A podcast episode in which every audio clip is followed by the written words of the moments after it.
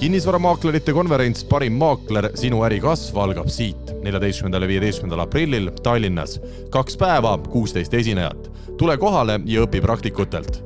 piiratud arv pileteid on müügil www.parimmaakler.ee.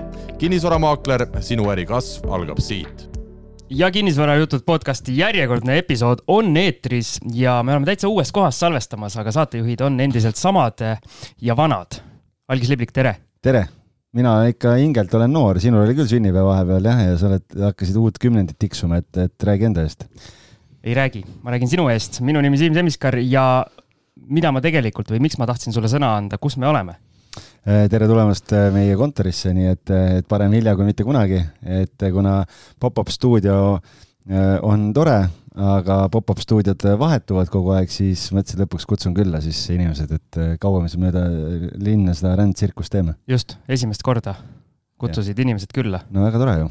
et mul küll lauda ei ole nii kaetud, et soolaleivapidu täna ei tee, aga, aga, aga lumiorava hea vesi on laual ja magusad ka, nii et ma arvan, et saame, saame kenasti hakkama kohe tulevad reklaamminutid ära ja sa ei, sa, sa ei hoia ka tagasi ennast. hashtag koostöö. jah, aga mitte sellest me ei tahtnud rääkida, eks? meil on ülipõnev teema täna. põhimõtteliselt on nii põnev teema, et ma ei julge isegi sinna teemasse sisse minna. ma haistan siit rekordsaate lõhna, vaadates seda küsimuste hulka, mis me oleme kõik ette valmistanud. jah, jah, ja meil on ka saate kuulajate küsimusi.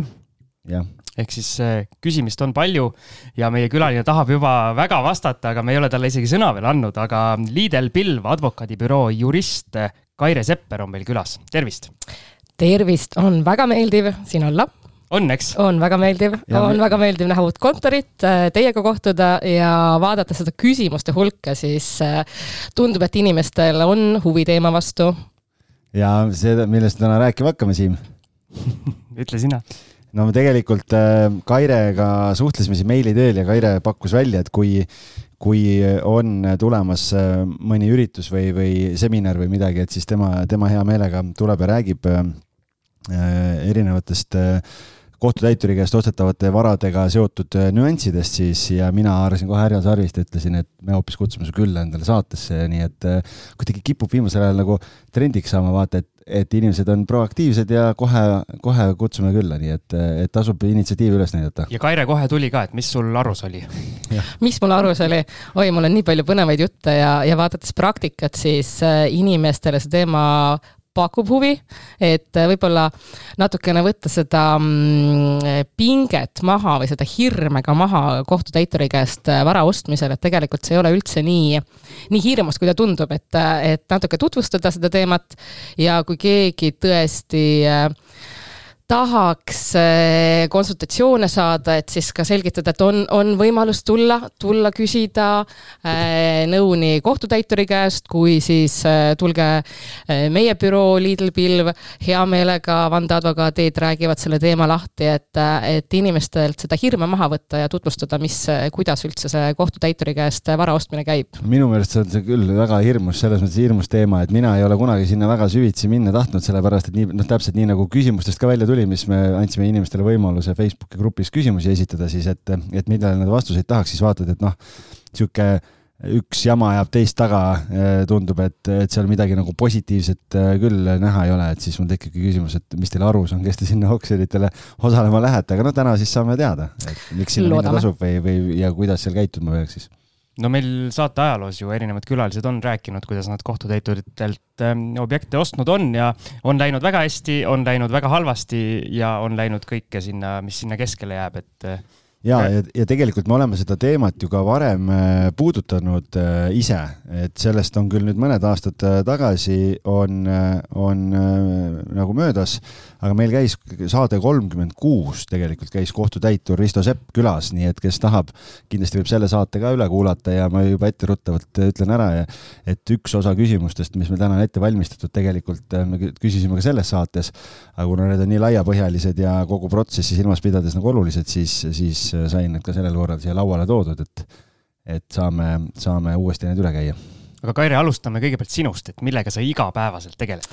Igapäevaselt äh, töötan siis advokaadibüroos äh, Lidl Pilv ja aitan vandeadvokaate, kuigi meie vandeadvokaadid on väga, väga pädevad, palju nad minu abi vajavad, aga, aga, aga teatud küsimustes äh, saab teha neile õiguslikke analüüse, aidata, aidata dokumente ette valmistada ja just täpselt nendes täitemenetluse küsimustes natukene ka sinna neid võlaõigust juurde, pärimist juurde, elatisi juurde ja varasemalt olen palju tegelenud ka laimu ja meediakaasustega, nii et, et ka aitan ka nendes küsimustes. nii et Algis, hoia oma suu koomal täna. ma ei julge enam Siimust ühtegi story't üles panna, sellepärast et muidu tuleb Kaire käest noot mulle varsti, ütleb, et mis sa siin korraldad, et. no Siim teab, kuhu tulla siis jah ma, ma täna telefoni välja ei võta siis aga sa oled seitse aastat töötanud kohtutäituri büroos ka, et, et räägi meile võib-olla siis natukene tausta, et mis vastutus on ühel kohtutäituril ja millega kohtutäitur nagu tegeleb? No kohtutäituri, eks see põhiülesanne on, on see, et need täit-, menetlusi läbi viia siis võimalikult efektiivselt, kiirelt ja kõikide huvisid arvestades, et ei ole ainult, et sissenõudja huvisid peab seal arvestama, aga, aga, aga viia just, et saada kõik võlad rahuldatud nii, et, et ka võlgniku huvid oleks, oleksid äh, arvestatud ja kõikide siis täitemenetluse osaliste huvid samuti, et, et ta peab olema, leidma selle balansi, et, et see vist on jah, see pigem põhi, põhiülesanne tal aga sina töötasid seal siis juristina eh, samamoodi nii-öelda eh, kardinate taga, valmistasid eh, väga paljusid asju ette ja, ja olid nii-öelda väga hands-on mingite teemadega, et milline kohtutäituri juures töötava juristi tüüpiline tööpäev välja näeb, et mis tegevusi see sisaldab endas? no tüüpilist tööpäeva ma arvan, seal ei olegi, et ma mäletan, kui ma tegin töölepingu, allkirjastasin, siis esimene täitetoiming, kuhu mind kaasati, oli minna stripiklubisse sularahakassat arestima. et, et seal tuli igasugu, igasugu põnevaid toiminguid ette või, või näiteks. kas sa reede õhtul kell üksteist pidid minema või, või kes...? no see oli õhtune aeg, see Aha, oli õhtune aeg töö käis seal, jah? töö käis või siis äh, näiteks üks, mis on veel väga hästi meeles, et äh, saime ühe ühe täiteasja. Äh, võlgnikuks oli ettevõte, kellel oli palju elektriautosid aga sel ajal ei olnud äh, siis tavainimestel elektriautosid. et need autod said arestitud, aga siis oligi, et kuidas sa need autod kätte saad, kui kinnisvaraga on lihtne, kinnisvara ei, ei liigu sul kuskile ära, et ta on sul paigal, siis autodega oli natuke raskem see teema. natukene mõtlesin, mida teha ja siis äh, tuli meelde, et äh, kui sa tellid takso, siis sul on seal võimalus äppides valida elektriauto ja hakkasingi proovima ja proovisin tellida endale elektriautosid, elektritaksosid kuni tuligi kontori ukse taga see auto, mille ma olin just ära arestinud. Ruttu ütlesin siis täiturile, et okei okay,, nüüd välja lähme, võtame auto ära, selgitasime autojuhile jutu ära, väga kahju, saan aru, et ta arest-, või ta oli selle auto siis rentinud taksosõiduks. aga kahjuks on nii, et omanik on võlglane, talt tuleb see auto ära võtta. Ja sõidutasime siis taksojuhi tema taksoga koju, tagasi büroosse uuele katsele. kahjuks äh, äppides on ju see, et kui sa kogu aeg tellid ja tühistad, siis mingi hetk äh, sa saad ploki. tõmbasin siis oma kolleegidele äh, taksoäpi alla, hakkasime uuesti sellega tegelema ja tuligi järgmine arestitud auto meile büroosse. et, et, et, et see on, see, seal, seal sa pead ise leiutama viise, kuidas saada need nõuded rahuldatud, et et äh, jah, on päevi, kus sa istudki kontoris arvuti taga, koostad otsuseid, vaatad kaebusi läbi, vastad kirjadele, aga samas ongi päevad, kus sa hommikul äh, ühelt võlgnikult näiteks arestisime ära teemantid. nii et siis näitan huvilistele teemanteid hommikul ja õhtul lähen kusagile Koplisse ühikatuppa, mis on täis prussakaid, prügi, fekaale ja siis näitan seal inimestele korterit. tundub et... küll jah, et tüüpilist tööpäeva ei ole, et kuule, aga mina, kui ma siin praegu kuulasin, me oleme Siimuga rääkinud, meil on siin igasuguseid põnevaid teemasid saadete jooksul läbi käinud, et meil on kinnisvarajuttude selline nagu sari on plaanis, kus on erinevad väga markantsed igasugused lood on ju ja. telesari. telesari nagu, et meil on noh, lihtsalt on vaja kõik see ja ta kellelegi maha müüa, et me keegi peaks selle ära tegema. ei ole veel jõudnud TV3-le ja Kanal kahele välja pakkuda seda, aga noh, et äh, aja küsimus. ja mul hakkas silme ees jooksma see, kuidas sellised krapsakad, kenad naisterahvad lähevad äh, sinna, hiilivad sinna takso juurde, siis kuidas nad ründavad seda taksojuhti ja nii edasi, aga Kaire rääkis hoopis, hoopis nagu rahulikumalt kõike seda asja, et. Äh, või siis õhtul lähevad sinna Koplisse, taskud teemanteid täis ja kõigepealt lähed, võtad, haarad äh, stripiklubist rahakassa kaasa, onju, kõik kliendid on suu lahti ja vaatavad, onju, et päev, rööv päise päeva ajal. siis lähed sinna Koplisse, onju, võtad sealt teemantid, viskad veel sinna karpi juurde ja siis lähed koju umbes selline see täituri töö on, jaa. äge. jah, kuule, et me peaks ka juristiks minema õppima, siis lõpetame saate ära ja siis. Lähme nüüd vaatame, kuidas, millisel kohtutäituril juristi on vaja, et äh, ülipõnev. aga palju kohtutäitureid Eestis on? Hetkel neid peaks olema kusagil seal neljakümne ringis, et äh, neid äh, jah, juurde ei ole siin tulnud, pigem jääb neid vähemaks kogu aeg, aga umbes kusagil neljakümne ringis. on seda vähe või palju? Ma arvan, et arvestades seda on piisavalt. mina just tahtsin küsida, et kui neid vähemaks jääb, et kas eestlastel, eestlased on nüüd korralikuks hakanud, et enam pole kohtutäiturid vaja või? oi, seda ei ole, pigem, pigem kes seal mõtleb ümber, kes võib-olla saab mõne pahateoga hakkama, et, et, et pigem seda, et töö otsa saaks, seda ohtu ei ole no nii, Siim, siis äh, me anname vähemalt oma panuse siis eeskujulike kodanikena, on ju, et, et kohtu... et meie ei tekita kohtutäiturile tööd. jah, jah. aga räägime võib-olla siis, sukeldumegi kinnisvara juurde, et meil on siin sellega seoses väga palju küsimusi, et äh, kuidas reeglina jõuab, noh, sa ütled jälle, et tavalist tööpäeva ei ole ja sellist reeglit ilmselt ka ei ole, aga mis selline kõige nagu tüüpilisem põhjus on, kuidas üks kinnisvaraobjekt üldse kohtutäituri lauale jõuab? no eks ta jõuab ikka koos selle võlgnikuga, et äh, kui, kui võlgnikuga ei saa maksegraafikut kokku leppida, kui tal ei ole töötasu, kui tal ei ole pensioni, kust oleks võimalik see äh, nõue rahuldatud saada, siis äh, see kõige viimane, kõige viimane lahendus ongi, ongi kinnisvara müüki panna, et, et alati proovitakse, leitakse, üritatakse leida muid võimalusi, aga jah, kui, nõue on vaja rahuldatud saada, et, et siis tuleb sinna kinnisvara kallale minna. aga kui paljudel inimestel on üldse nii-öelda kinnisvara võtta, kes võlglased on?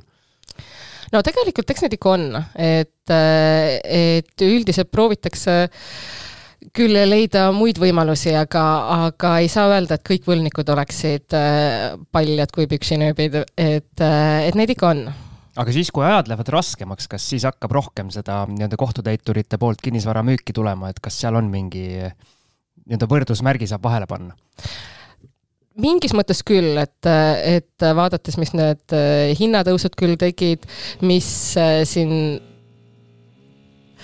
mis äh, Euribori tõus teeb, et, et kindlasti inimesed äh, satuvad rohkem makseraskustesse, aga pigem need inimesed, kellel on kinnisvara, kellel on mingisugust vara, et nad leiavad selle lahenduse, et see vara müüki ei läheks.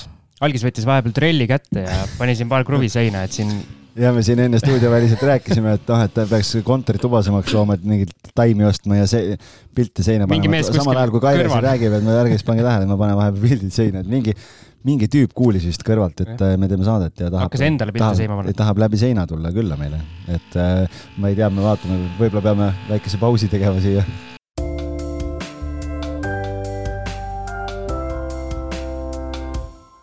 nii, algis käis naabrite juures äh, rusikat näitamas, et ei puuri siin midagi praegu. pakkusin kommi neile ja head vett ja ütlesin, et istuge ja nautige, et, et mis te segate siin. just, ja meie teeme saadet edasi, kus me pooleli jäime? Äh, väga hea küsimus ei, me rääkisime sellest, ah, sa küsisid, et kas on vara võtta inimestel ja siis äh.... ja, ja kas halvad ajad ja, ja nii, aga lähme siis edasi. kuidas see müügiprotsess välja näeb, et kui on vaja see kinnisvara müüki panna, millest kõik alguse saab? no kõik algab äh, arestimisest, et kuulutatakse välja, et hakkame seda kinnisvara arestima, palun äh, hinnake siis äh, ise, mis äh, teie kinnisvara võiks väärt olla. et täitur äh, võtab kinnisvara hindamisel arvesse ka seda, kui, millise hinna pakub see võlgnik, mida arvab sellest sissenõudja, kui nemad kokkuleppele ei saa, kui neilt mingisugust sisendit ei tule, siis täitur määrab selle hinna ise. Kuule, aga see on ju nii meelevaldne, kui veel olla saab, sellepärast et need omanikud ise reeglina ütlevad, et ma olen siin seitse last üles kasvatanud ja kui need seinad räägiks ja kõik asjad ja, ja hindavad oma vara Täiesti nagu kõvasti üle ja siis ostja tuleb ja ütleb, et noh, kurat, et noh, et seal ei ole, et see ei ole nagu hall isegi, vaid üks on must ja teine on valge. kuidas seda ühisosa üldse on võimalik leida? No eks ta tuleb leida, see ongi see, täitur peabki seal vahel see lepitaja, see balansseerija olema. ja kui tõepoolest kokkuleppele ei saa, siis täitur määrab selle hinna ise. aga siin on see võimalus, kui keegi ei ole hinnaga rahul, siis saab minna kohtusse seda hinda vaidlustama. seal tuleb küll, kui võlgnik läheb, siis tema peab küll maksma selle kohtu poolt määratud eksperditasud et, et siis määrab selle hinna ekspert ja noh, siis see hind jääb. aga nagu Ristoga siin äh, eelmise, noh, kui tema käis, et, et ta tõi ka selle välja, millega ma väga nõus olen, et äh, mingis mõttes oleks õige, kui need alghinnad oleksid kõik null eurot sest lõppude lõpuks määrab enampakkumisel selle lõpliku hinna turg. et et turg määrab turuhinna. kui on enampakkumine, siis eh, ei ole võimalust, et keegi ostabki selle ära noh, liiga odavalt, et kui sul juba mitu inimest osaleb enampakkumisel, siis sellest eh, tekibki turuhind, sest neid vaidlusi, mis see alghind peaks olema Neid on nii palju ja kui mõni täitur on nüüd hakanud võtma hindamisakte näiteks äh, kinnisvarabüroodelt, selle peab võlgnik kinni maksma. et äh, me teeme hästi palju kulutusi, võib-olla kui me lähme ka sinna kohtusse, võtame eksperdi, me teeme näeme vaeva, teeme palju kulutusi selleks, et saada alghind ja mis see alghind siis tegelikult on või see kinnisvara hind, et see on see, millega asi läheb enampakkumisele. kui see hind on liiga kõrge, siis äh, enampakkumine nurjub, keegi ei tee pakkumisi ja siis on võimalik täituril järgmisel korral see kuni kakskümmend viis protsenti hinnas alla tulla noh, see jälle oleneb sellest vara hinnast, oleneb äh, täiturist, oleneb sissenõudjatest, et äh, kas tullakse viis protsenti, kümme protsenti või kohe kakskümmend viis protsenti. aga noh, lõpuks see hind muudkui langeb, langeb, langeb ja ma arvan, et kõik täiturid saavad oma praktikast rääkida, kuidas hind läheb lõpuks nii alla sul tuleb äh, see madal alghind, äh, toob kaasa nii palju ostuhuvi, et tegelikult äh, see reaalne ostuhind tuleb palju kõrgem kui see esimene kõrge alghind siis. okei okay,, ma tahtsingi siin tegelikult küsida, et noh, sa ütlesid, et, et, et noh, mul kaks küsimust sellega seoses, lihtsalt hoiatan Siimu ette kohe onju et võtan padja välja. et mul esi-, noh, esimene küsimus oligi see, et noh, et jaa, okei okay,, hindamisakt maksab, onju, noh, mõned sajad eurod on ju ära tellida, et noh, võlgnik peaks selle justkui nagu maksma, onju aga see on ju tegelikult tema huvides, sellepärast et kui vara läheb liiga odava hinnaga müüki, siis ta tegelikult võib rahaliselt hävida oluliselt rohkem kui see hindamisakti väärtus. aga kui vara läheb liiga odavalt müüki, siis eeldatavasti ja praktika ja näitab, tuleb sinna väga palju osalisi. et, et noh, et lõpuks nii-öelda äh, siis äh, pakutakse üle ja, ja., ja tegelikult ta on nagu võidus. okei okay,, see oli esimene küsimus. sellega seoses meil tegelikult tuli Facebooki gruppi üks küsimus ka ja ma loen selle küsimuse ette, see on üsna pikk äh, küsimus ja siis sa saad vastata kuidas saab tekkida olukord, et kohtutäitur tellib niinimetatud vara hindamise kinnisvaramaaklerilt, mitte hindajalt, kelle hinnang eh, ehk siis see kinnisvaramaakleri hinnang on siis circa kolm korda madalam kui kuus kuud hiljem eh, langeva turu tingimustes kinnisvara hindaja eh, poolt koostatud eksperthinnangus kajastatud harilik nii-öelda turuhind. erinevused siis konkreetselt maakleri hind seitse tuhat ja kinnisvara hindaja poolt koostatud ekspertarvamuse hind kakskümmend viis tuhat eurot ja miks võlgnik peab sellise niinimetatud valehinnaga dokumendi koostamise kinni maksma, kui tegelikult maakler ei ole isikuks kehtiva õiguse mõistes, kes on õigustatud kinnisvara üldse hindama? mis sa ütled selle peale? Äh, mis ma ütlen, on äh, alati, kui inimestele ei meeldi äh, täituri tegevus, saab esitada kaebust. tulge, aitame. ilmselgelt on raske hinnata nüüd seda konkreetselt olukorda, sest äh, ma ei tea, kes, mis, kuidas, mis põhjustel tehti. aga sellepärast ongi see hindamine väga keeruline, et, et kes ütleb äh, täiturile, et millist, millist kinnisvarabürood või maaklerit siis kasutada.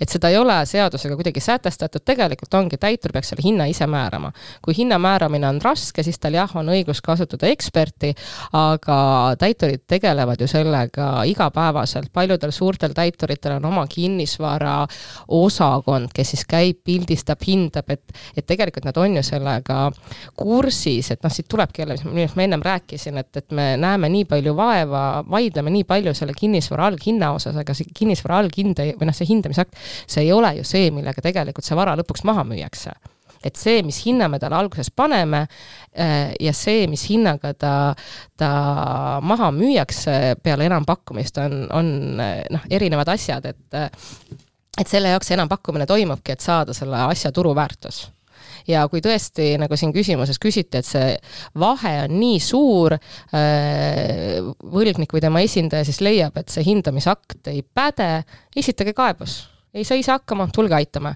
et, äh, et sa ei pea nõustuma alati sellega, mida täitur teeb või mida, mida seal täitemenetluses tehakse, et kui sa näed, et midagi on jama, siis äh, noh, kaebame, vaatame, vaidleme asja läbi ma haaran su jutust sellest kohast kinni, kus sa ütlesid, et võib juhtuda niimoodi, et kui panna alguses madal hind, siis nii-öelda oksjoni käigus kerib ennast kõrgemale kui see esialgne kõrge alghind, et kas see tähendab seda, et ikkagi äh, avalikul enampakkumisel tekib selline psühholoogiline efekt, et keegi ei taha kaotada?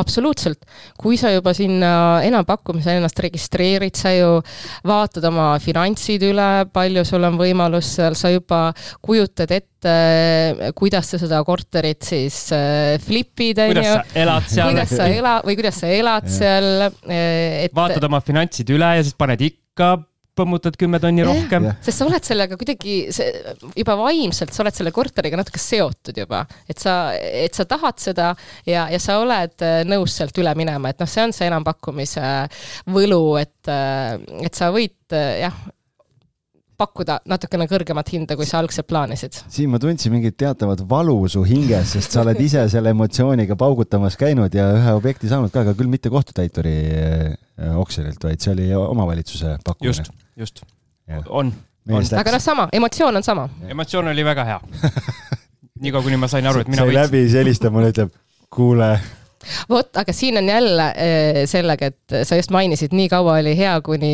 kuni sa said aru, et sa võitsid.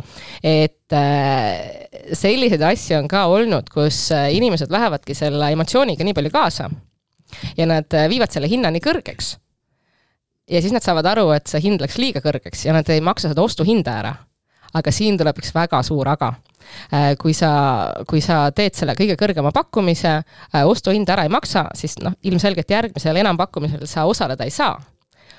aga siin, kui tuleb siis see uus enampakkumine ja see hind jäi väiksemaks kui see sinu pakutud hind, siis võlgnik võib sinu vastu kohtusse minna ja selle vahe sinult sisse nõuda et äh, ei tasu seal väga külma kõhuga kõmmutada, et äh, pärast äh, esitabki võlgnik sulle päris suure nõude. luhtitad oma sajaseid ja pärast seal luhtitad veel. mul, mul õnneks isiklikult lõpuks läks kõik hästi, aga, aga tol hetkel, kuna ma olin pannud enda jaoks piiri, mille ma ilmselgelt ületasin, siis, siis tol hetkel nagu ei olnud kõige parem tunne.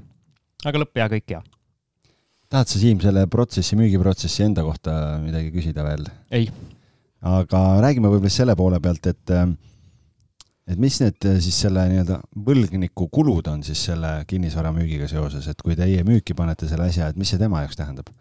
oi, tema jaoks, tema peab äh, ilmselgelt tasuma täitekulud ära, et, et see juba oleneb, suurus oleneb puhtalt, kui suur tema võlg on. Et menetlust alustades on see alustamistasu seal viisteist, kolmkümmend eurot, noh, see on olnud äh, aja jooksul muutuv, ta peab tasuma täitekulud ära igasuguste postisaatmiste eest, nii edasi, aga see täituri põhitasu jah, oleneb sellest, kui, kui suur ta võlg on, et äh, ja lisaks, kui täitur selle vara maha müüb, siis ta võib veel küsida lisatasu viis protsenti vara müügist kuni kolm tuhat eurot, et, et see kõik siin ei ole ühtegi kindlat kindlat suurust, et see kõik oleneb sellest äh, nõudest. Aga on mingi, mingid olukorrad, kus ei ole nagu mõtet seda vara hakata müüma ka, kuna võib-olla need nii-öelda kulud, mis sellega kaasnevad, on lõpuks suuremad, kui see vara ise väärt on. ja isegi seadus ütleb, et ei, ei, ei müüda seda vara, mis, mille müügikulu on, on suurem kui, kui see tulem sealt.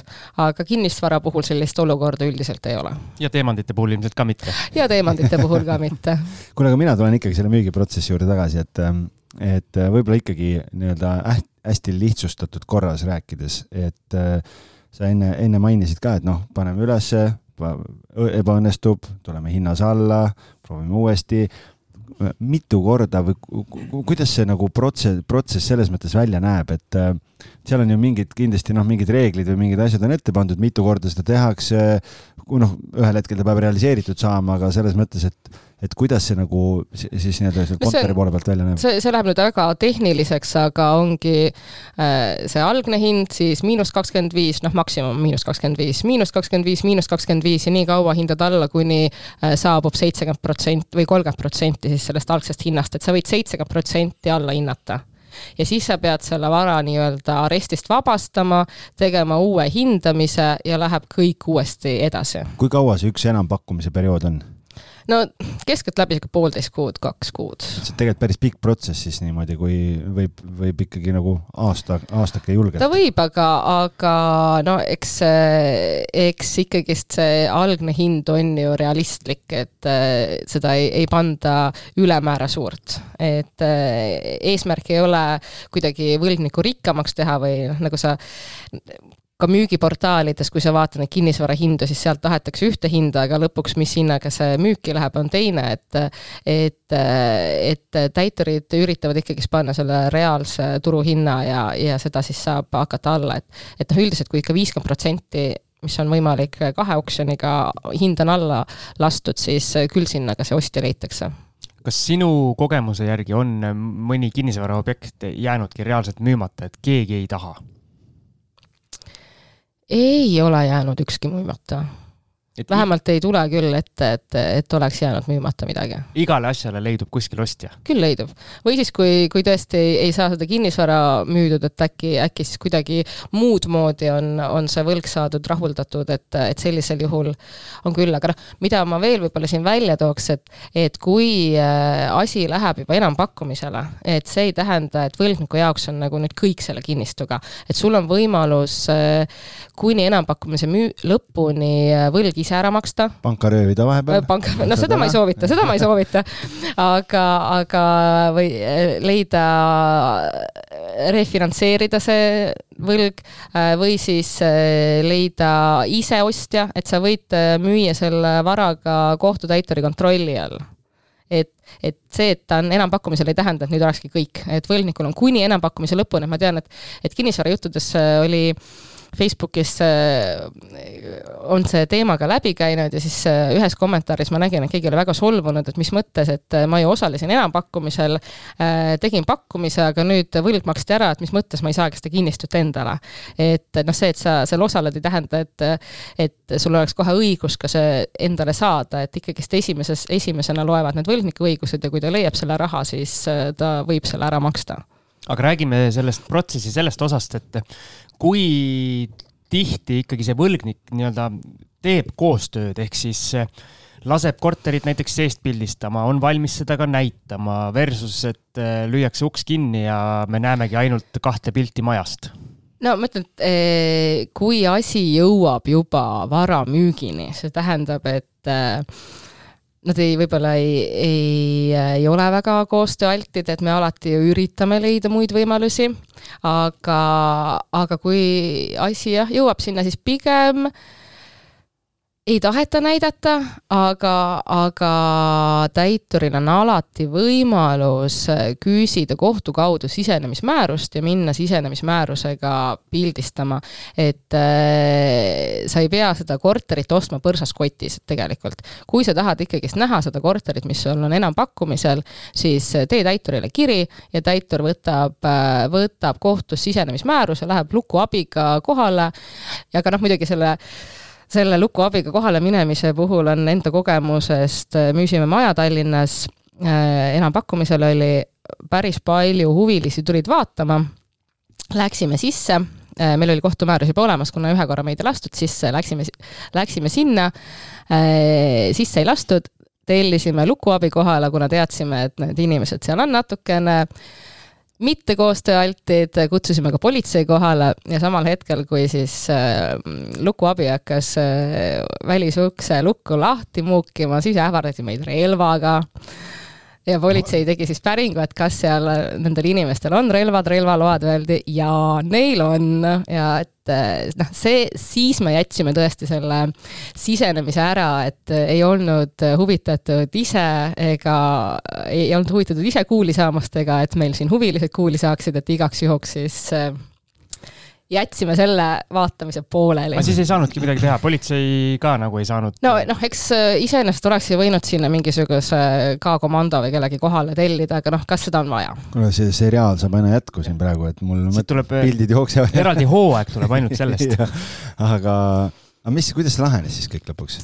no me läksime ära sealt, et ei ole, ei, ei ole mõtet Herilase pesa torkida. aga see ei ole ju lahendus. see ei olnud lahendus, aga enampakkumisel pakkumine tehti, see vara müüdi maha ja me küll pakkusime siis ostjale, et kas teeme, kas teeme äh, väljatõstmise, aga see ostja sai ise kokkuleppele. käisid lasketiirus koos äh, ostja ja müüja ja, ja...? vot seda, seda ma ei tea, kuidas. tal kuidas... olid suuremad relvad lihtsalt jah, tema, tema meie abi igal juhul väljatõstmisega ei vajanud. okei okay et, et jah, see, see sai, ma loodan vähemalt, et sai õnneliku lõpu aga kuidas politsei sellisel juhul siis seal olukorras nagu käitub, et kui teiselt poolt ust öeldakse, et kui keegi ukse lahti teeb, mul on relv, on ju, et, et siis politsei lihtsalt ütles, et noh, okei okay,, me siis lähme ära või? no eks, eks me ikkagist konsulteerisime ja rääkisime ja mõtlesime, kuidas seda lahendada, aga, aga noh, jälle, et et mida see kellelegi andnud väga oleks kui me oleksime selle asja väga, väga tuliseks teinud, et kas politsei nüüd neile ise mingisuguse ettekirjutuse tegi, et noh, see juba ei puuduta kohtutäiturit. et, et võimalik, et politsei neile seal nende relvalubadega midagi seal ette võttis, aga see ei puudutanud enam meie menetlust.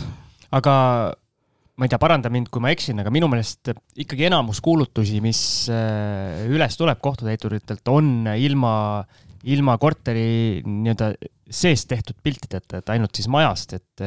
nõus mina tahtsin pigem..., sorry, ma segangi vahele, ma tahtsin siia tegelikult sedasama asja küsida täpsustada, et kas see nii-öelda kohtuorderi võtmine, kas see on nagu pikk protsess, et sellepärast ei ole, ei ole või, või miks see seda ei teha? miks seda kohe nagu nii-öelda proaktiivselt esimese asjana ära ei tehta, sest minu hinnangul see tõstaks oluliselt huvi ju. absoluutselt, teine asi on see, et siis on ka võti kohtutäituri käes, saab ka hiljem võib-olla äh, valduse üleandmise või noh, teisel, ega vaatamisi ju tegelikult peaks olema ka mitu või noh, et, et kui sul on mitu enampakkumist, siis ka alati on võimalik äh, küsida vaatamist. aga miks seda ei tehta, sest inimesed ei küsi täituri käest aga täitur ise. aga kui ostetakse ka põrsast kotis, siis, siis nagu miks sobib. ta peaks äh, tegema seda. et see ei ole kohtutäituri kohustus või mure ju tegelikult, vaid see on pigem ostja. kui, kui inimene on nõus sellega, et ostab põrsast kotis, siis äh, noh, nii on. aga kui noh, seadus näeb ette, et täitur peab määrama ajad, millal saab minna vaatama ja tõesti, kui, kui siis võlgnik ei lase uksest sisse või ta ei vasta, et siis äh, noh, oleme ise ka võtnud ikkagist päris palju neid äh, kohtumäärusi, et et minna vaatama. Ja seal sa ütledki ära konkreetsed päevad, konkreetsed kellaajad, kes läheb ja tehakse lukuabiga uks lahti ja vaadatakse ära see aga minu, minu loogika nüüd ütleb sellist asja, et kui näiteks kohtutäitur ja see võlgnik teeksid selles osas koostööd, et võlgnikule selgitatakse ära, et näed, et sinu huvides on võimalikult kõrge hinnaga see objekt maha müüa. selle jaoks palun, äh, me korraldame näitamised, teeme selle korteri korda. pane trussikud kappi. just, pane need äh, jah okei okay,, trussikuid mina ei taha näha, aga sokid võivad jääda okei okay,, et teeme selle asja korda, müüme seda nagu päris nii-öelda kinnisvara, et ilusad pildid ja, ja saaks ju suurema hinna äh, jah, kui kõik võlgnikud oleksidki mõistlikud ja koostööaltid, oleks võimalik, aga kahjuks nii ei ole. kas nad on siis nagu kuidagi ebaadekvaatses olukorras või, või? või nad loodavad nagu... viimase hetkeni, et see kuidagi läheb nad, mööda? Nad loodavad, no ma ütlen, et kõige võib-olla see mõte, mis, mis üldse kogu minu sellest jutust siit kaasa võtta, ongi see, et suhelge inimesed, kui tekib probleem, suhelge kõigepealt selle võlanõust- või võlausaldajaga, kellelt, kellega teil tekivad need makseraskused, suhelge kohtuga, kui teile tuleb kohtukutse, suhelge kohtutäituriga, kui asi on juba nii kaugel, või tõesti siis suhelge advokaatidega. et ärge peitke pead liiva alla, ärge kuidagi see, et, et ei võta dokumente vastu, ei tähenda, et ei ole neid kätte saanud. et seda ei tasu nagu arvata, et kõige parem ongi suhelge, suhelge, suhelge sest ma tean siin enda praktikast näiteks üks juhtum oli, kus arestisin korteri ära, aga midagi kuidagi kõhutunne ütles, et midagi on seal valesti. et üks äh, proua, kellel äh, muid võlgasid ei olnud, korteril hüpoteeki ei olnud, et noh, ei ole selline tüüpiline võlgnik. Ja suhtlesin siis ka ko-, äh, korteriühistuga ja noh, mis sealt kuidagi koorus välja, et ei ole võib-olla täiesti adekvaatne, et vahel nagu kaob ära ja jätab uksed lahti, et noh, midagi on nagu noh, ei ole päris terve, vaimselt terve, et vajaks abi ja siis äh, igaks juhuks võtsin äh, tema lastega ühendust, et äkki ikkagist nagu saame mingisuguse lahenduse. Ja siis tuli välja, et ka lapsed temaga enam aastaid ei suhtle, et kuna noh, see terviseprobleemid olid ja kuidagi nagu jäi suhtlus äh, katki. Ja lõpuks siis äh, saimegi lahenduse, et äh, poeg, poeg siis võttis kohtu kaudu, läks kohtusse, sai õiguse ema esindada, saime kohtu kaudu maksegraafiku, et, et ei läinud see korter müüki, et noh, alati tulebki võib-olla kui inimene ise ei, ei, ei oska enam suhelda, et, et tuleb leida neid viise, kuidas ikkagist mõistlikult see asi ära lahendada. et et seal oli see pigem sotsiaalne probleem, et noh, väga palju ongi seal neid sotsiaalseid probleeme taustal. selle Siimu küsimuse juurde tagasi tulles ma lihtsalt ise võib-olla mõtlen, noh, et, et äh, miks inimesed koostööd ei tee, et seal võib tõenäoliselt olla ka see variant lihtsalt, et see on see nurka surutud äh, äh, Kiskja. kannataja või, või kis- või vastupidi, kiskja tunne, siis vaata see, see tunne lihtsalt, et, et et kohtutäitur on halb, äh, kõik see võlanõudja on halb, kõik on halvad, on ju, tahetakse mu kodu käest ära võtta ja ma teen kõik selleks, et nad seda teha ei saaks. et sellepärast ta võib-olla ei olegi koostöövalmis, et ta ei saa, et ta ei oska mõelda out of box, et võib-olla tegelikult mul on sellest võita ja, ja veel tulles tagasi sinna alguse poole, kus sa ütlesid, et ega meie eesmärk ei ole võlgnikku rikkaks teha võib-olla, kui nad saaks aru sellest, et, et nad, neil on võimalus nagu sealt rohkem raha saada, kui nad suudaks ja oskaks seda nii lahti mõtestada, siis tegelikult kogu see protsess oleks palju ilusam ja, ja kiirem äh, tihtipeale, aga aga noh, ma arvan, et see emotsionaalne pool lihtsalt nii, mängib nii palju üle, et ei no täpselt, et seal, seal kõik jääbki selle suhtlemise raskuste taha, et kui me juba probleemi alguses hakkaksime leidma lahendusi selle asemel, et, et tunda ennast solvununa, haavununa, siis noh, ei oleks, ei jõuaks nii palju kinnistuid kindlasti enampakkumisele. No mul täna see mõte siin toodab huvitavaid asju, et, et ma, tekkis selline mõte, et noh, kas kuidagi oled, kui sa tagasi mõtled selle aja peale, on olnud selliseid juhuseid ka, kus kus jääb selline tunne, ma juba tõenäoliselt vastust tean, aga et, et, et mõni vend vaatabki, et kurat, et, et kuidagi mingite otsustega on veits nihu läinud siin onju, et kuidagi nagu kehvasti läinud, et ah oh,, kuule, et, et noh, äriplaan vaata, et las kohtutäitur müüb maha, et, et tegelikult võib-olla teenib nagu rohkem raha ja saab haljale oksale nii-öelda selle poole pealt, et on kuidagi, kas selliseid case'e ka kunagi laual on olnud? Äh, tegelikult on küll, on, äh, on olnud, äh, kus inimesed on läinud välismaale ära ja neil on siia võlad ja, ja varad taha jäänud, et nad on väga rõõmsad, kui keegi need asjad ära lahendab siin. kõik need pärandimüügid, kus inimesed on saanud äh, kusagil äh, Ida-Virumaal või noh, kus iganes mingisuguse korteri, nad ei taha, nad ei viitsi, nad ei oska sellega tegeleda ja siis ongi, ah palun, võtke see et müüge see, see maha, et ma ei, ise ei viitsigi sellega tegeleda, et, et selliseid juhtumeid on ka. Teoorias küll, kui neil on sellist vara, siis ise tegeleda ei taha, noh, pole midagi teha, et tuleb, tuleb see töö nende eest ära teha nii-öelda aga mina arvan, me teeme siia väikese kõllipausi ja siis räägime edasi finantseerimisest ja räägime, kuidas need korterid ka kõik lõpuks ikkagi kätte saada. aga mida me pausi ajal teeme, Algis? Ehm, ja maitseme head lumiorava vett, Siim on täna kuidagi liimist lahti või väsinud või kuidagi, et ma soovitan, et see magneesium teeb sulle head, nii et äh, oleme varsti tagasi. jess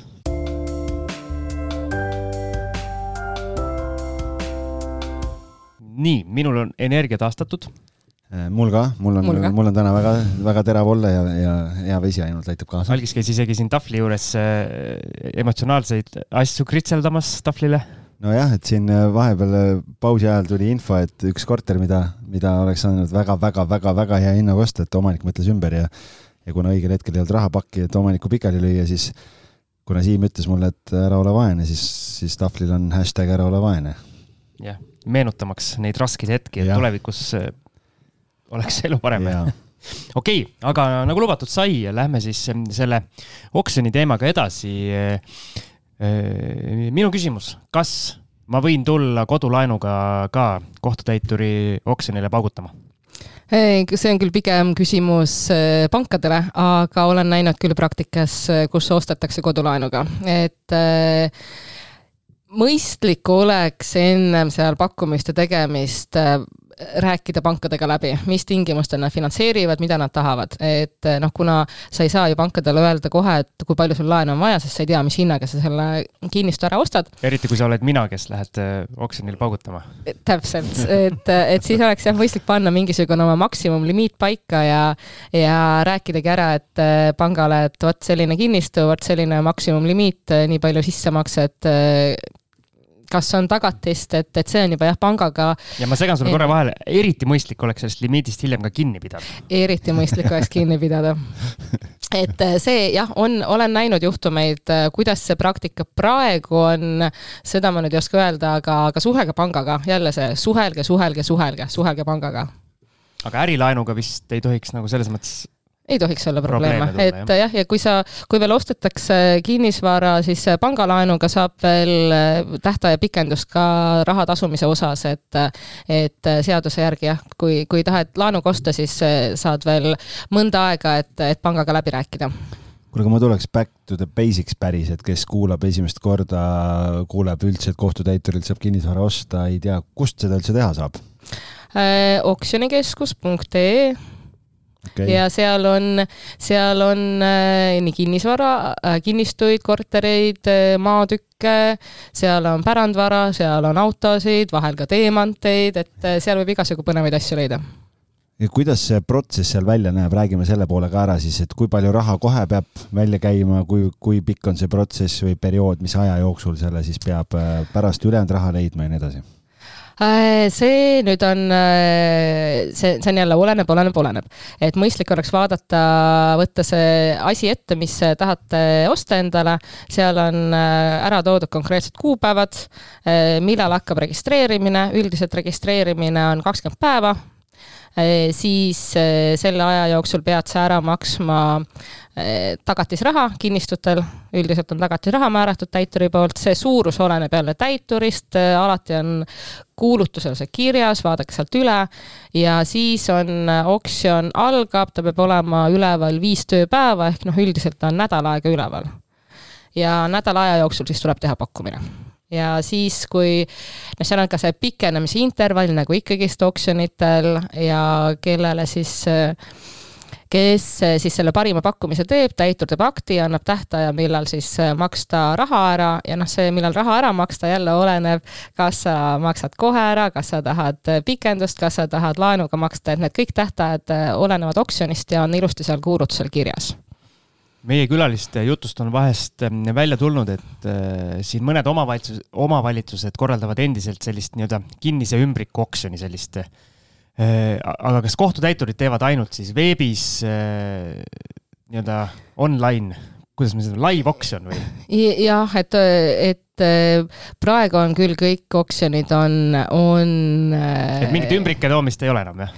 no see ümbrikute toomine ja, ja kogu see suulised enampakkumised, ma mäletan, kui ma hakkasin seda tööd tegema, siis olid suulised enampakkumised ja mida see siis tähendas, oli see, et ennem enampakkumise toimumist kõik tulid, registreerisid ära ja siis inimesed kadusid ukse taha. mis kokkuleppeid seal ukse taga tehti, no seda teavad nemad. meile on siit saadetes rääkinud. sari osalejad, kes käivadki ja. niimoodi, lihtsalt saavad paarsada eurot. täpselt, täpselt, täpselt, et kelle, kes tuligi sinna rahapakiga kohale, andis paar sotti, et noh, sina nüüd ära osale ja ära pakkumist tee, et et see õnneks nüüd on elektrooniliste enampakkumistega on, on sellised kombed siis nii-öelda ära kadunud minu meelest meil keegi saates ka rääkis, et olidki siuksed tüübid, kes käisid igal oksjonil kohal ja. ja said paar sotti, et ära pakkumist tee.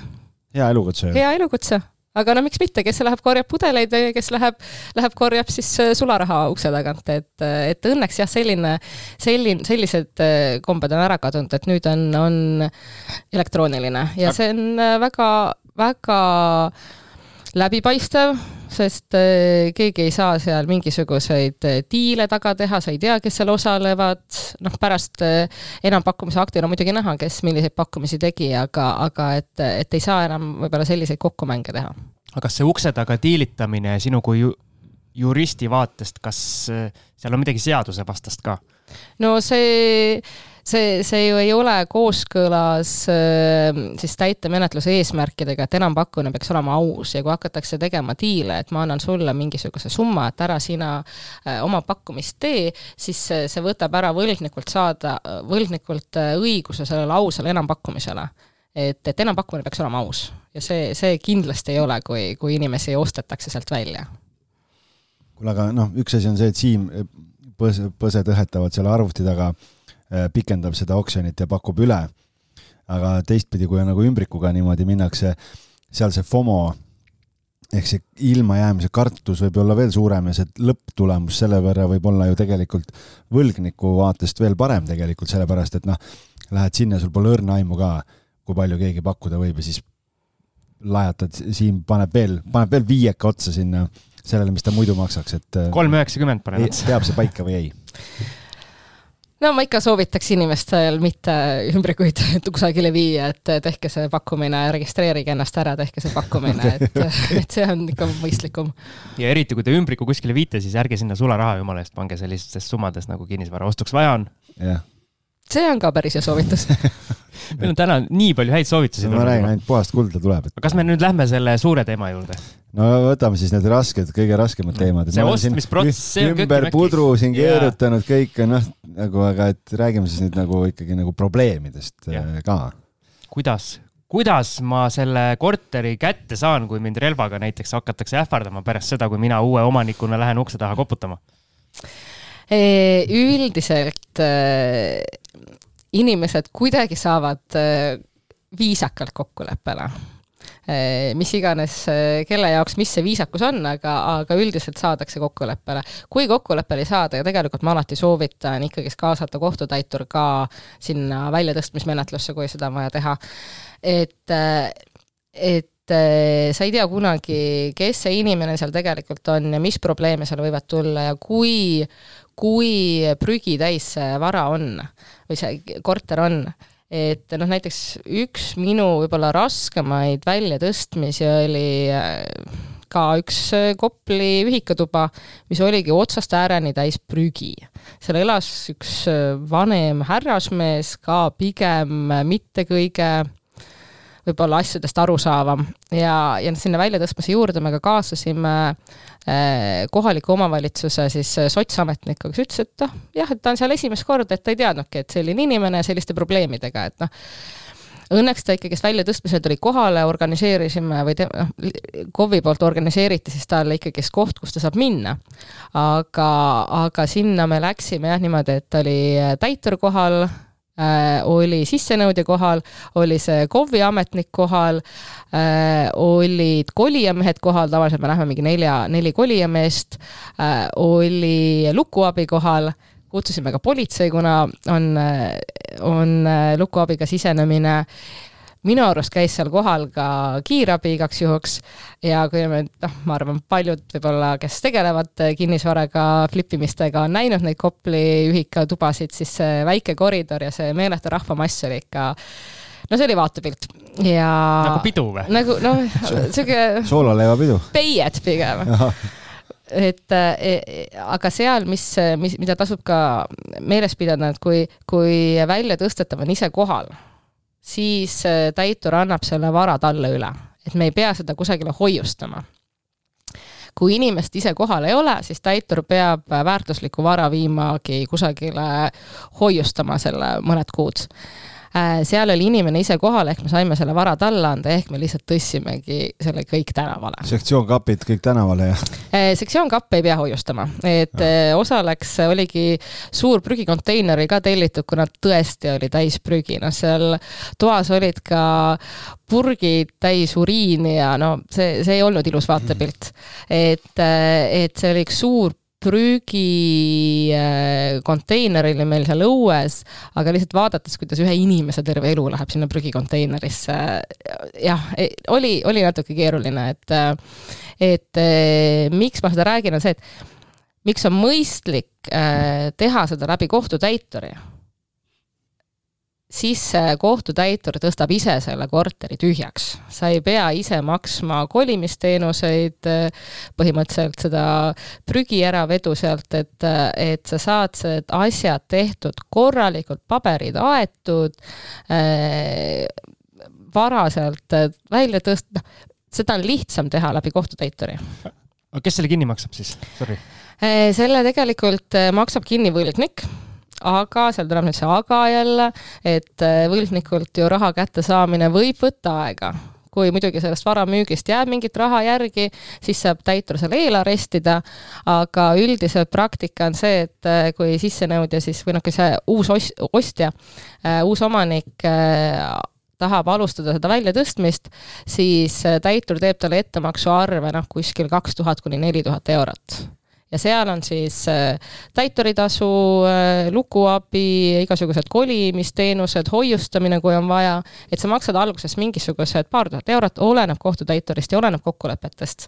E, ja tõstetakse välja, siis äh, täitur tagastab sulle raha, mida ei läinud vaja, mis on üle makstud ja siis ülejäänud raha täitur hakkab võlgnikult sisse nõudma.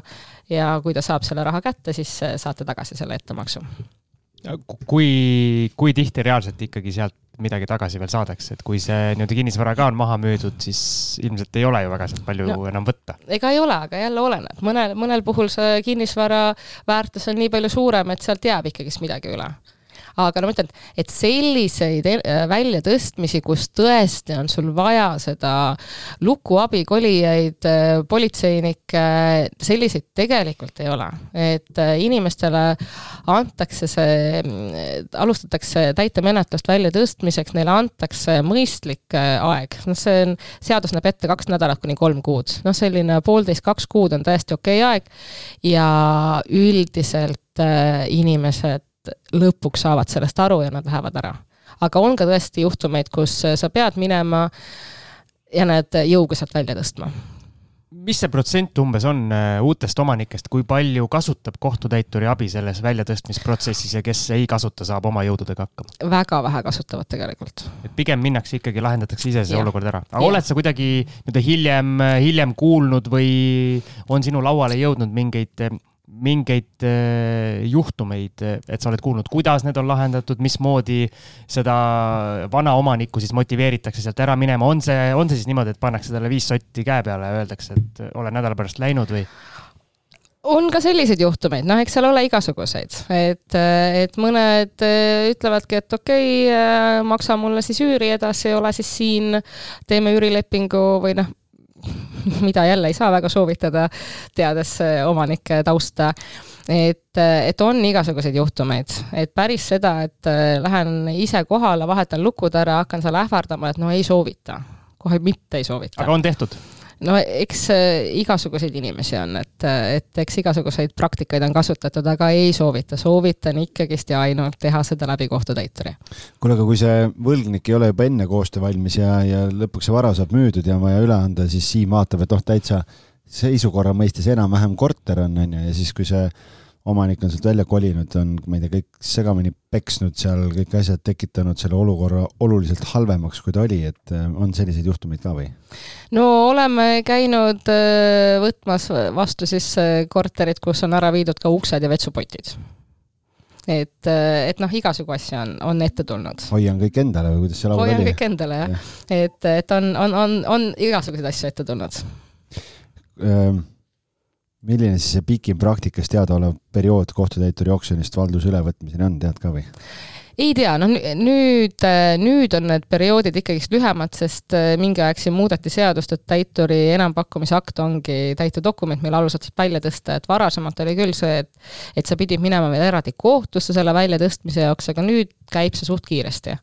et, äh, et jah, inimene, kui ta saab selle väljatõstmise teate, ta võib seda vaidlustada, aga, aga noh, seal ei ole väga midagi vaidlustada, kui ikkagist täitur on kõik korralikult teinud, siis seal ei ole midagi vaidlustada, et et võib-olla kohus küll mõneks ajaks selle peatab, vaatab asjaolud üle, aga, aga kui täitur on oma tööd korralikult teinud, siis, siis ikkagist see väljatõstmine leiab aset. kui on mõni selline, ma ei tea, natukene elu hammasrataste vahele jäänud inimene kuidagi, kes, ma ei tea, võib-olla tarbib alkoholi natuke liiga palju viisakalt öeldes ja ja noh, kõik muud asjad sinna juurde, et kuidas üldse see nii-öelda teadvustamine või teadv-, nagu te-, informeerimine välja näeb, et ta saaks aru ka, nüüd on müüdud, eh, noh, okei okay,, üks, see on üks asi, aga teine asi on see, et nüüd ongi vaja välja kolida, et keegi reaalselt läheb nagu silmast silma, ütleb talle, et siin on paber ole mees ja paki asjad või, või kus, mismoodi see käib? no meie ikkagist, meil oli äh, oma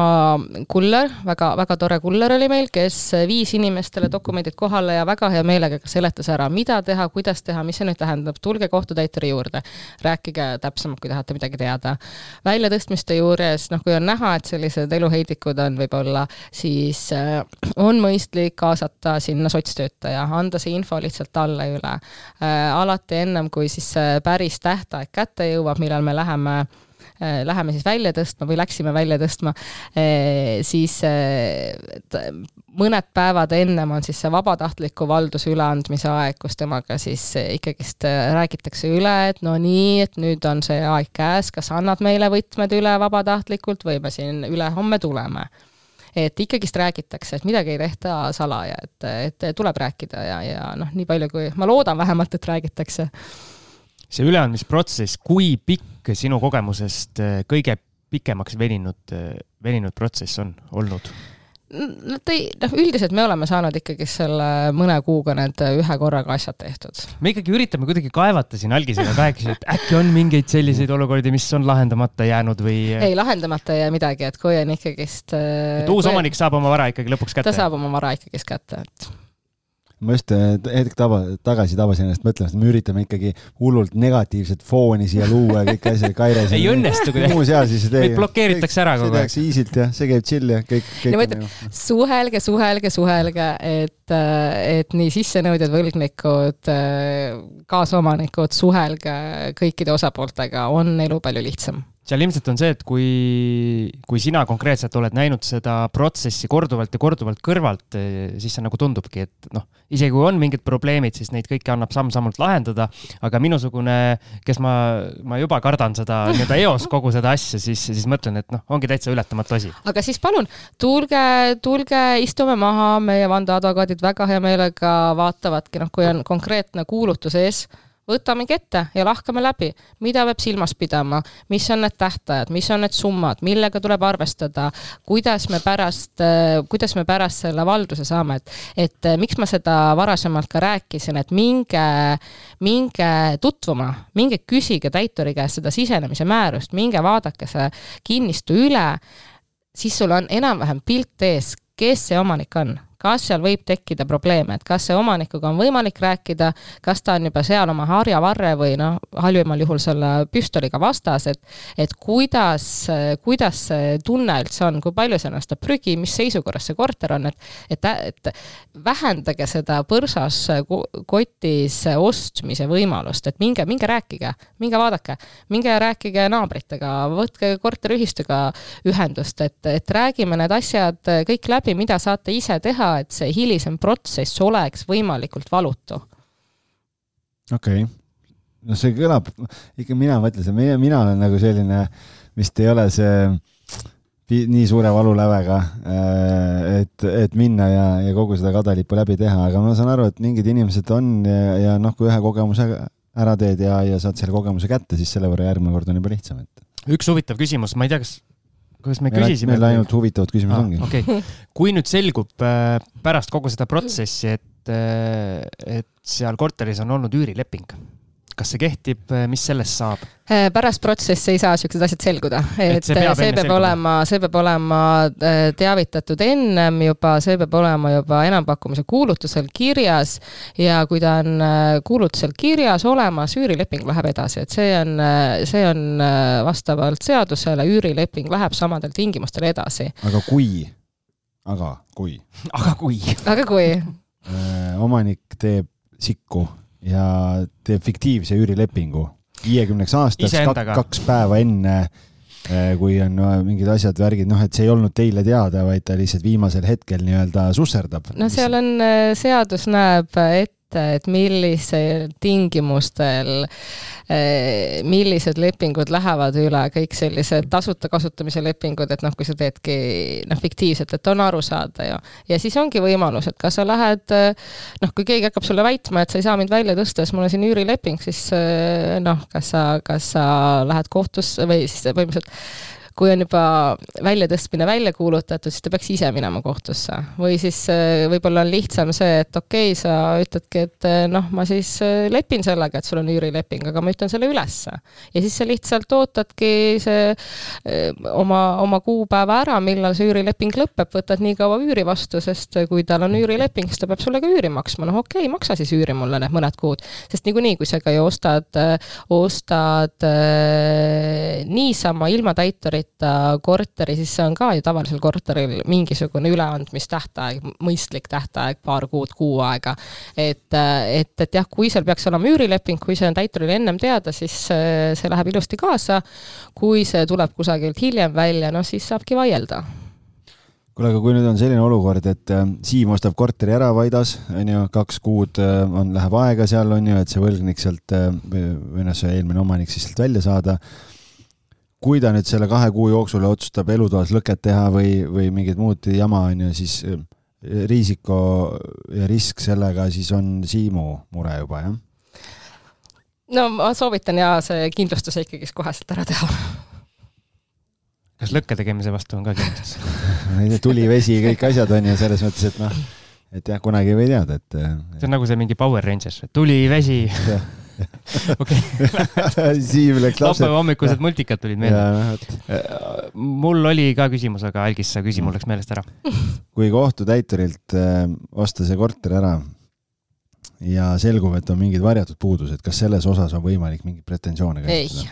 ei, enampakkumiselt äh, ei vastuta ei võlgnik ega kohtutäitur mingite puuduste eest, et mul tuli, on, on nagu on.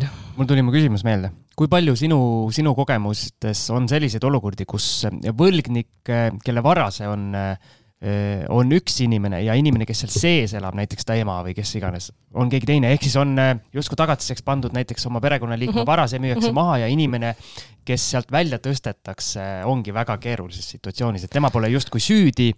tema süü võib-olla oli see, et ta kirjutas kunagi oma, oma vara mõne pereliikme nimele lolli peaga ja nüüd siis jääb hammasrataste vahele?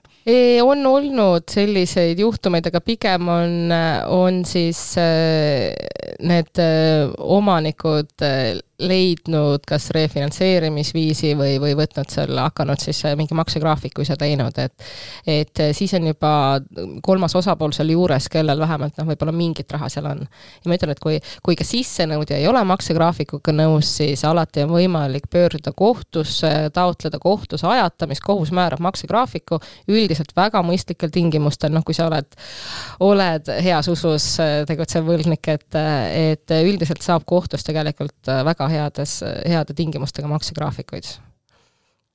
räägime natuke hüpoteekidest ka, et äh, osades kuulutustes on kirjas, et äh, hüpoteek jääb vara koormama ka pärast äh, nii-öelda tehingut, et mm -hmm. mida see tähendab?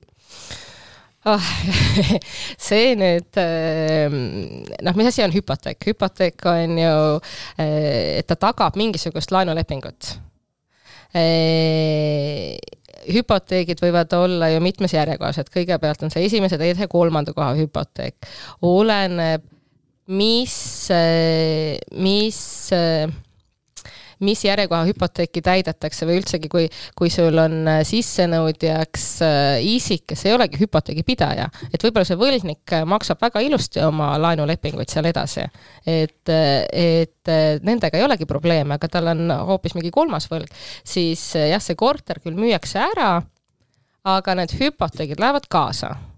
see tähendab seda, et võlgnikul on küll kohustus maksta oma neid laenulepinguid edasi mis tal on varasemalt olnud. korterit tal enam küll ei ole, aga võlad või need laenulepingud on ikka kehtivad ja alles ja ta peab neid ilusti rõõmsalt tagasi maksma. kui tal nüüd tekib probleem nende laenulepingute tagasimaksmisega, siis need hüpoteegiomanikud, noh näiteks sul ongi seal esimese järjekorra hüpoteek, näiteks mingi pangahüpoteek, seda pangale nõuet täideti ära korter müüdi maha, aga see hüpot- või see, jah, hüpoteek läks äh, korteriga kaasa, nüüd inimene ei maksa enam oma võlga ära, siis pank võibki panna selle korteri müüki, et saada tagasi siis äh, e selle võlgniku eelmise omaniku võlad. ja see risk on siis ju väga-väga-väga suur, sest sellel ähm, eelmisel omanikul puudub igasugune motivatsioon seda laenu maksta. absoluutselt absoluutselt, aga eh, noh, neid väga palju, ma ei tea, kas eh, üldiselt ikkagist eh, neid nõudeid, mis müüa- või jah, neid kortereid, mis müüakse koos hüpoteegiga, neid väga ei ole. ja seal on alati täituril on õigus küsida hüpoteegi omanikult seda laenujääki pangad üldiselt annavad täituritele. kui seal on muidugi need erinevad hoiu-laenuühistud või on eraisikutest hüpoteegipidajad, noh sealt ei pruugi seda täpset nõudejääki teada saada, et siis sa pead ka arvestama selle täishüpoteegiga et noh, rohkem sa ei saa maksta, kui see, ei pea tagasi maksma, kui see hüpoteek sinna märgitud on, aga sa pead sellega arvestama, et sealt võib see nõue tulla aga selle võrra on üldiselt äh, ka need kor-, need korterite hinnad odavamad, et kui, kui sul ongi seal mingisugune hüpoteek peal, hüpoteegipidaja ei ütle sulle, kui palju see laenujääk on, siis täitur ikkagist arvestab selle täishüpoteegiga et see on hästi segane teema, noh, need hüpoteegid võivad ju tegelikult olla ka tühjad. et see, et kui sa oled oma pangalaenu kunagi ära maksnud, siis keegi ei lähe ju niisama seda hüpoteegi sealt kustutama, see on tasuline toiming notari juures, et hüpoteek ära kustutada. et tegelikult võivad need hüpoteegid olla ka tühjad, et sellisel juhul saad sa ju põhimõtteliselt äh, palju odavamalt selle korteri, et, et need tasuks jah, täituriga alati üle, üle rääkida, kas tal on infot ja kas ta saaks selle info mul on alati, mitte alati, mul on praegu üks võib-olla rumal küsimus, esimene meie saate ajaloos. ja see on ilmselt ja, ja enne ei ole ühtegi kuulnud. jah, et ma olen nagu mõelnud, et kui see hüpoteek tuleb kaasa, kas sellel eelmisel omanikul on kuidagi võimalus selle hüpoteegi abil mingit uut laenu ka võtta, et või, või need õigused tal ikkagi siis kaovad ära no tegelikult ei tohiks talle ju anda, aga, aga jälle, et oleneb, noh, pangad kindlasti ei, ei täida seda hüpoteeki uuesti ära. meil on igasugu huvitavaid, huvitavaid eh, täpselt. institutsioone, mis raha välja annavad. täpselt, et, et eh, see jah, alati tasub ka vaadata, kes see hüpoteegipidaja on ja, ja, ja igaks juhuks jälle konsulteerige ennem, kui te pakkumisi teete, kui on sellised segased lood. aga põhimõtteliselt see ei ole välistatud no igasugu asju on ette tulnud jälle, et aga see on äh, alati võimalus kõike jälle vaidlustada ja, ja, ja mulle tundub, Algis, juristi suust tuleb jube kergelt see, et lähme vaidleme ja lähme räägime ja vaidleme ja istume ja vaidleme veel ja. aga suhtleme, suhtleme, ärme vaidle, suhtleme. kuule, aga tegelikult, kui me räägime nagu okei okay,, suhtlemine on üks asi, aga kui me räägime ju kohtusse minemisest, siis meil siin mitte ammu käisid, käisid kaks vandeadvokaati laua taga ja rääkisime varjatud puudustest ja ja seal me jõudsime küll ikkagi selle tõdemuseni, et Eesti kohtusüsteem täna on kahjuks selliselt üles ehitatud, et no, et kipuvad väga pikaks venima, need protsessid, et noh, et see, oled ostnud korteri ära ja siis käid veel kolm aastat kohut ka, et no see ei peaks olema nagu see eesmärk omaette. Ei peaks, aga no varjatud puuduse vaidlusi täitemenetluses ei tule.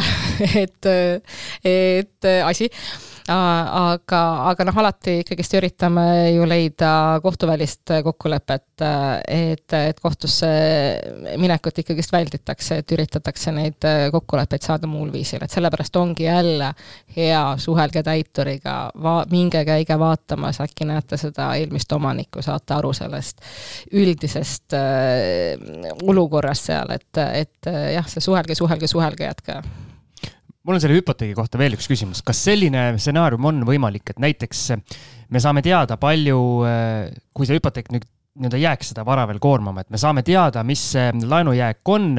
mina kui uus ostja ütlen, et ma olen nõus sel hetkel, kui notaris oleme, maksan mina selle nii-öelda laenu tagasi, hüpoteek kustutatakse notaris ja ühesõnaga selle ühe tehinguga saab, saab siis selle korteri nii-öelda puhtaks mm,? no et kui sa, kui ostetakse täitemenetluses äh, korter, siis notarisse üldsegi ei minda. no vot siis ei saa, siis on vastus, et ei saa. et, et notari jah, et täitemenetluses täitur saab ise selle kande ära, küll inimene maksab ise riigilõivu ostja, aga, aga notaris jah, täitemenetluses ei mindagi räägime kaasomanditest ka. räägime. selliseid objekte on ka ju oma, omajagu, kus, kus on mitu omanikku, et äh, millised on kaasomanike õigused siis, ähm, kui, kui selline, selline olukord tekib ja millega peaks arvestama, kas kehtib eelisostuõigus nagu tavapäraste kinnisvaratehingute puhul või mitte? jaa, sellega on nüüd nii, et äh, eelisostuõigust ei ole, et äh, nad võivad täpselt samadel tingimustel osaleda enampakkumisel mis on küll nüüd väga huvitav äh, küsimus, on see, et kas äh, täitur peaks kaasomanikke teavitama sellest, et äh, vara läheb arestimisele, et vara pannakse müüki sest noh, kindlasti on ju neil väga suur huvi seda mm, osta. üldiselt on olnud äh, praktika, et ei teavitata, et nad ei ole osalised, samas kui me nüüd vaatame seadust ja vaatame õiguskirjandust ja vaatame ka siin alles oli üks äh, ringkonnakohtu lahend, kus tegelikult kohus ka ütles, et et kaasomanikud on äh, täitemenetluse osalised ja tegelikult tuleks kaasomanikke teavitada ja neile arestimisaktid edastada. et äh, ilmselgelt äh, on äh, kaasomanikud huvitatud ju, kui see nende, ma ei tea, lapsepõlvekodu läheb müüki, et, et nad tahaksid seda kindlasti endale saada. aga üld-, noh jah, praktikaga vist ei teavitata neid, millest jah, tegelikult või, või seda praktikat võiks muuta ma olen näinud ka kuulutusi, kus müüaksegi mingit, ma ei tea, üks neljandik või üks kaheksandik mingist korterist. no üks neljandik, üks kaheksandik on hea, et minu arust kõige paremad on selline kolmkümmend viis nelja tuhande viiesaja kolmandikust ja noh, mingisugused täiesti. Neid annab ka ümardada normaalsemaks ju, ei anna või? ei, ei saa ümardada, kui on ikkagist, kui on, kui, kui ta, kui ta, kui ta on nii välja kukkunud, siis ei ole seal midagi ümardada no,. ja noh, ja teine asi on, et, et kui müüakse kinnisvara mingisugune murd kinnisvarast, aga nüüd on, nüüd on tulnud ju väga palju ka äh, enampakkumisele pärandvara, mõttelist osa pärandvarast, et see on veel hoopis omaette, omaette teema, mida, millest inimesed võib-olla väga palju ei tea. aga me..., aga pärandvarast äkki räägime boonuse osas? Räägime boonusosast, et väga-väga põnev teema. muidu, muidu meil läheb nii pikale, et siis me jäämegi siia, et, et muidu Kaire, Kaire ei saagi minema täna stuudiost. ja meil saab küpsised otsa. ja, Siim, kust saab boonusosad? kust saab küpsiseid, saab poest boonusosad saab ähm, patreon.com kaldkriips kinnisvarajutud. jah, nii et siis keda pärandvara huvitab, siis äh, saab tulla Patreoni toetajaks ja, ja saate selle informatsiooni ka kätte. aga jah, kaasomanike osas äh, kahjuks äh, eelisostuõigus ei kehti, et saavad osaleda samadel tingimustel kui kõik teised ja, ja pärast siis tuleb see vara jagada kohtus, kes tahab. jube keeruline. karm, elu on karm. aga meil oli veel küsimusi siin. jaa kui osta hoonestusõigus, see on ühe, ühe inimese küsimus siis Facebooki grupist meil, et kui osta hoonestusõigus näiteks kahekümne viieks aastaks, et kas siis saabki ainult kakskümmend viis aastat seda elamumaad kasutada või hiljem on eelisostu võimalus sellele elamumaale ja millised eelised on teiste ostjate suhtes? no seal tuleb vaadata ikka varasemaid lepinguid, et siin ei, ei ole, ei saa öelda niimoodi, et, et väga jah, seal tuleb, tulge, tulge tooge lepingud meile, vaatame üle, siis vastame. oled sa ise ka mõnel oksjonil eh, osalenud, vaadanud, et oo, see on päris magus asi? ei ole, ei ole, et, et oma, noh, meie büroo, kus, kus ma töötasin, et, et seal niikuinii ei saanud osaleda, aga, aga pigem ei, ei jah, ei ole ka väga, väga see sihtgrupp, kes, kes oksjonitel osaleb, et, et meeldib ikka niimoodi rahulikult läbi rääkida. Scrollida, scrollida, KV-s. käia, vaadata niimoodi, et pirukas tuleb ahjust välja, et, et pigem jah, ei, ei, ei ole ise osalenud. Algis, kas sina oled osalenud? ei ole. kas ja. nüüd hakkad? tead, see on äh, ahvatlev äh, asi. inspiratsiooni pakub küll selline. ma sain selline, täna aru, et tegelikult jah. nagu see tundub hullem, kui see tegelikult on. kui sa ise nii-öelda huvilisena teed kogu eeltöö, taustatöö ära ja suhtled, nii nagu Kaire on täna, ma ei tea, kui palju siin rõhutanud, suhtled, suhtle inimestega, onju. et, et sa teed selle kodutöö põhjalikult ära ja sa tead ka, mida sa osta tahad ja, ja, ja kas see nii-öelda siis kvalifitseerub sinu sinna valuläve hulka või mitte, et kui see on tehtud, siis, siis miks mitte ja no eks siin tuleb ka silmas pidada, et need kinnistud, mis seal müügis on, et alati ei ole ju äh, Äh, need ei ole, omanikud ei ole seal võlgnikud, vaid vahel ju on ka abielupaar, kes ei, ei suuda ise selle oma vara ära jagada või täpselt need pärijad või kaasomanikud. et, et alati ei, ei pea olema need kinnistuomanikud problemaatilised inimesed, et, et vahel on lihtsalt, äh, valitaksegi täitur selle vara müügiga tegelema, et on selline neutraalne osapool, kellel on kogemused, kes teeb seda kõikide osapoolte huve arvestades, et, et, et ka selliseid enampakkumisi on kas äh, see ostjate segment, kes tulevad sellist kinnisvara noolima, kas see on pigem selline, nii-öelda sa juba tunned nii-öelda nägude ja nimede järgi äh, ära või on ka selliseid õnneotsijaid, kes tulevad ühe korra, paugutavad seal oksjonil kõik ribadeks ja siis, siis kahetsevad pärast tükk aega? oleneb kinnistust, oleneb väga palju kinnistust, et eks äh, selliseid tüüpkortereid ostavad ikka äh, suhteliselt äh, kindlad inimesed või ettevõtted olid, aga kui seal kusagil väiksemas kohas võib-olla tuleb mõni maatükk äh, või, äh, või noh, midagi natukene eksklusiivsemat, et seal on kindlasti teistsugused, teistsugused äh, inimesed, et, et ma ütlen, et nende korteritega tuleb küll suu-, noh, võib tulla probleeme, aga keegi, on ju võimalus osta ka maatükke endale et äh, seal ei ole valduse üleandmisega suur probleem, maatüki paned, äh, annad rendile, saad jooksvalt sealt äh, rendirahasid, et, et võib ka täiesti ju probleemivabalt neid asju teha, et. algisele meeldib, kui probleeme ei ole muidugi, elu peab ilus ja lihtne olema, et kellel neid probleeme on vaja. aga jäi meil midagi küsimata või rääkimata? peale selle boonusosa. jah tundub vist, et sai, sai, sai, sai kõik, eh, kõik räägitud, mis küsiti. ma loodan, et kõik said oma küsimustele vastused, et võin, võin Facebookis veel grupis, kus küsimusi küsiti, võin sinna veel lühidalt peale saadet vastata see oleks väga tore ja, ja tegelikult, kui meil läheb selle saate osa ju üles Facebooki, siis samamoodi, et, et kellel jääb midagi ikkagi segaseks või, või on vaja, et siis sa oled seal olemas ja ja kui on mingid delikaatsemad teemad, mida ei saa võib-olla seal arutada, siis saab alati ju sinuga ühendust võtta ja saate juba nii-öelda ametlikumalt kohtuda. täpselt, et äh, Lidl Pilv advokaadibüroo, ootame teid. sest meie ju ei, kuigi me oleme peaaegu ideaalilähedased saatejuhid, siis me ka eksime vahest. ikka. eriti no, algis. noh, jah, Siim õnneks mitte kunagi, et selles mõttes, aga see ongi, et noh, ikka peab see äh, must ja valge koer ju, et Just. üks on see ideaalne ja siis teine on see natukene toitu seal kõrval, et aga, aga, aga see on hea lõpp siia. ja ma ütlen veel, et kes tahab äh, võtta vabas vormis ühendust, siis äh, Instagramis jurist Kaire. Võite Instagramis. Oh,. kuule, see on hea. mis asi see Instagram on?